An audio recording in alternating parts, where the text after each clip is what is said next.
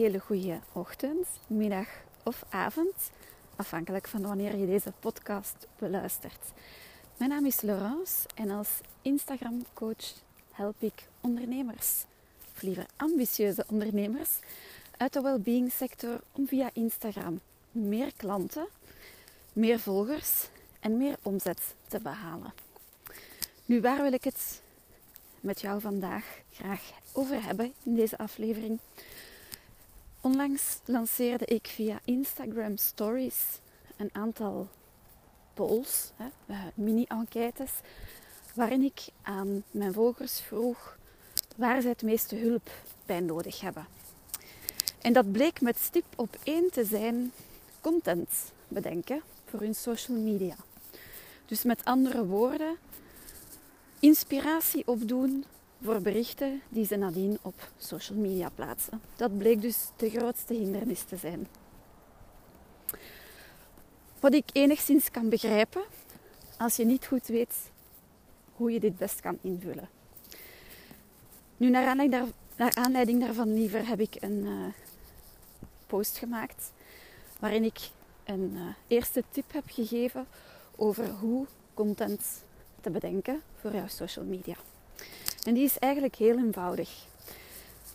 Mijn eerste tip is: denk even na wat jouw volgers en potentiële klanten willen weten. Stel dat jij nu een um, nagelstiliste bent. Welke vragen krijg je dan regelmatig? Waar vragen mensen vaak uitleg rond? Zijn er bepaalde hardnekkige mythes over nagels of nagelverzorging of wat dan ook, die je graag uit de wereld wilt helpen? Neem die vragen even in gedachten en probeer daar dan een antwoord op te geven. Ik zal dat wat concreter proberen te maken. Ik ben ondertussen trouwens om deze koude maar zonnige winterdag aan het wandelen. Momenteel uh, nog niet te veel uh, passanten, maar goed, dat kan misschien eens gebeuren. Ik heb van nature gewone met natuurlijke nagels. En een vriendin van mij heeft sinds enige tijd nagels. Uh, als ik het verkeerd zeg, alvast sorry. Ik denk dat het Biap nagels is. Ik weet zelf niet precies wat het is. Ik vind haar nagels altijd ontzettend mooi en verzorgd. Maar de vraag waar ik dan mee zit is: wat is die biap? Nogmaals, als ik het goed uitspreek, precies. Wat is het verschil met acrylnagels? Als dat nog bestaat, natuurlijk. In mijn twintiger jaren heb ik dat ooit een tijdje gehad, valse nagels. Wordt er dan een tipje op mijn nagel gezet en wordt mijn nagel afgeveild en komt er dan een laagje bovenop. Gaat dit mijn nagels beschadigen? Als ik die nagels niet meer wil, wat dan?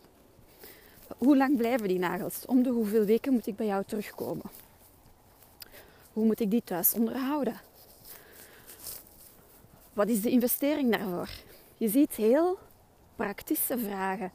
Dingen die voor jou als nagelstiliste, nu gewoon een voorbeeld te geven, zo evident zijn dat je er zelfs niet meer over nadenkt, zijn vragen waar ik als potentiële klant echt mee zit.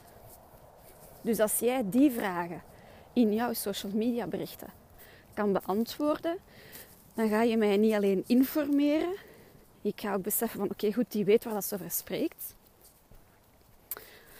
Um, en dat gaat mij vertrouwen geven in jouw vakdomein. Hetzelfde geldt voor een kapsalon.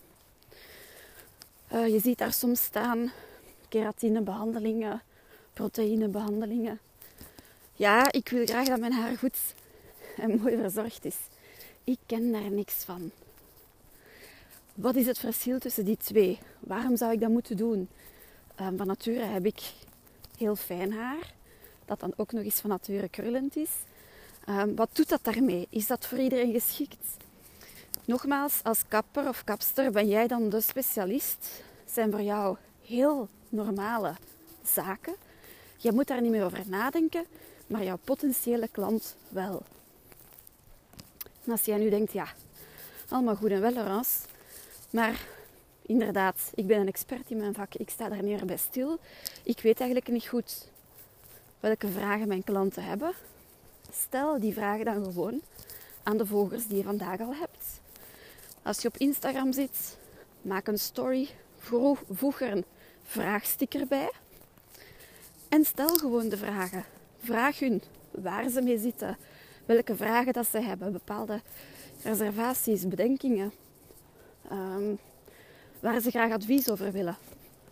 En je kan via Instagram dan ofwel een vrij tekstveld toevoegen, maar mijn ervaring leert mij dat je de meeste reacties krijgt als je een vraag stelt met twee antwoorden. En dat kan zijn ja, nee. Hè. Ehm, of iets anders, maakt niet uit. Dus je hebt via Instagram de mogelijkheid, de mogelijkheid liever om een uh, vraag toe te voegen met multiple choice antwoorden. Een vraag, een soort een poll noemt dat. En dan kan je maar twee keuzemogelijkheden geven of een vrij tekstveld. Ah ja, om te kijken wat het meest interessant is. Je kan er ook verschillende gebruiken. Daarnaast, um, behalve het bevragen van jouw reeds bestaande volgers, kan je ook nagaan welke vragen jij in jouw salon al regelmatig hebt gekregen. Of mensen die jou een berichtje sturen en die meer uitleg willen over een bepaalde behandeling bijvoorbeeld.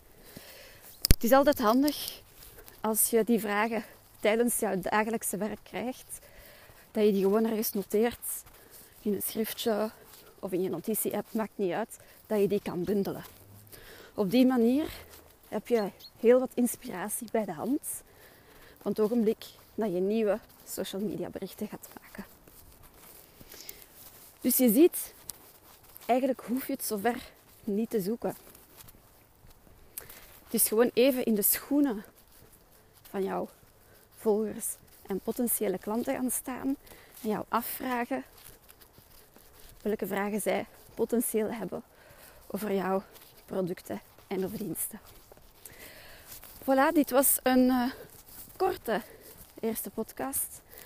Mocht je deze tip waardevol hebben gevonden, zou je mij daar een ontzettend plezier mee doen door een screenshot te nemen van deze podcast en deze in jouw stories te delen en mij te taggen. Ik zal in de informatie onder de podcast de link zetten naar mijn Instagram pagina. Heel erg bedankt en graag tot de volgende podcast.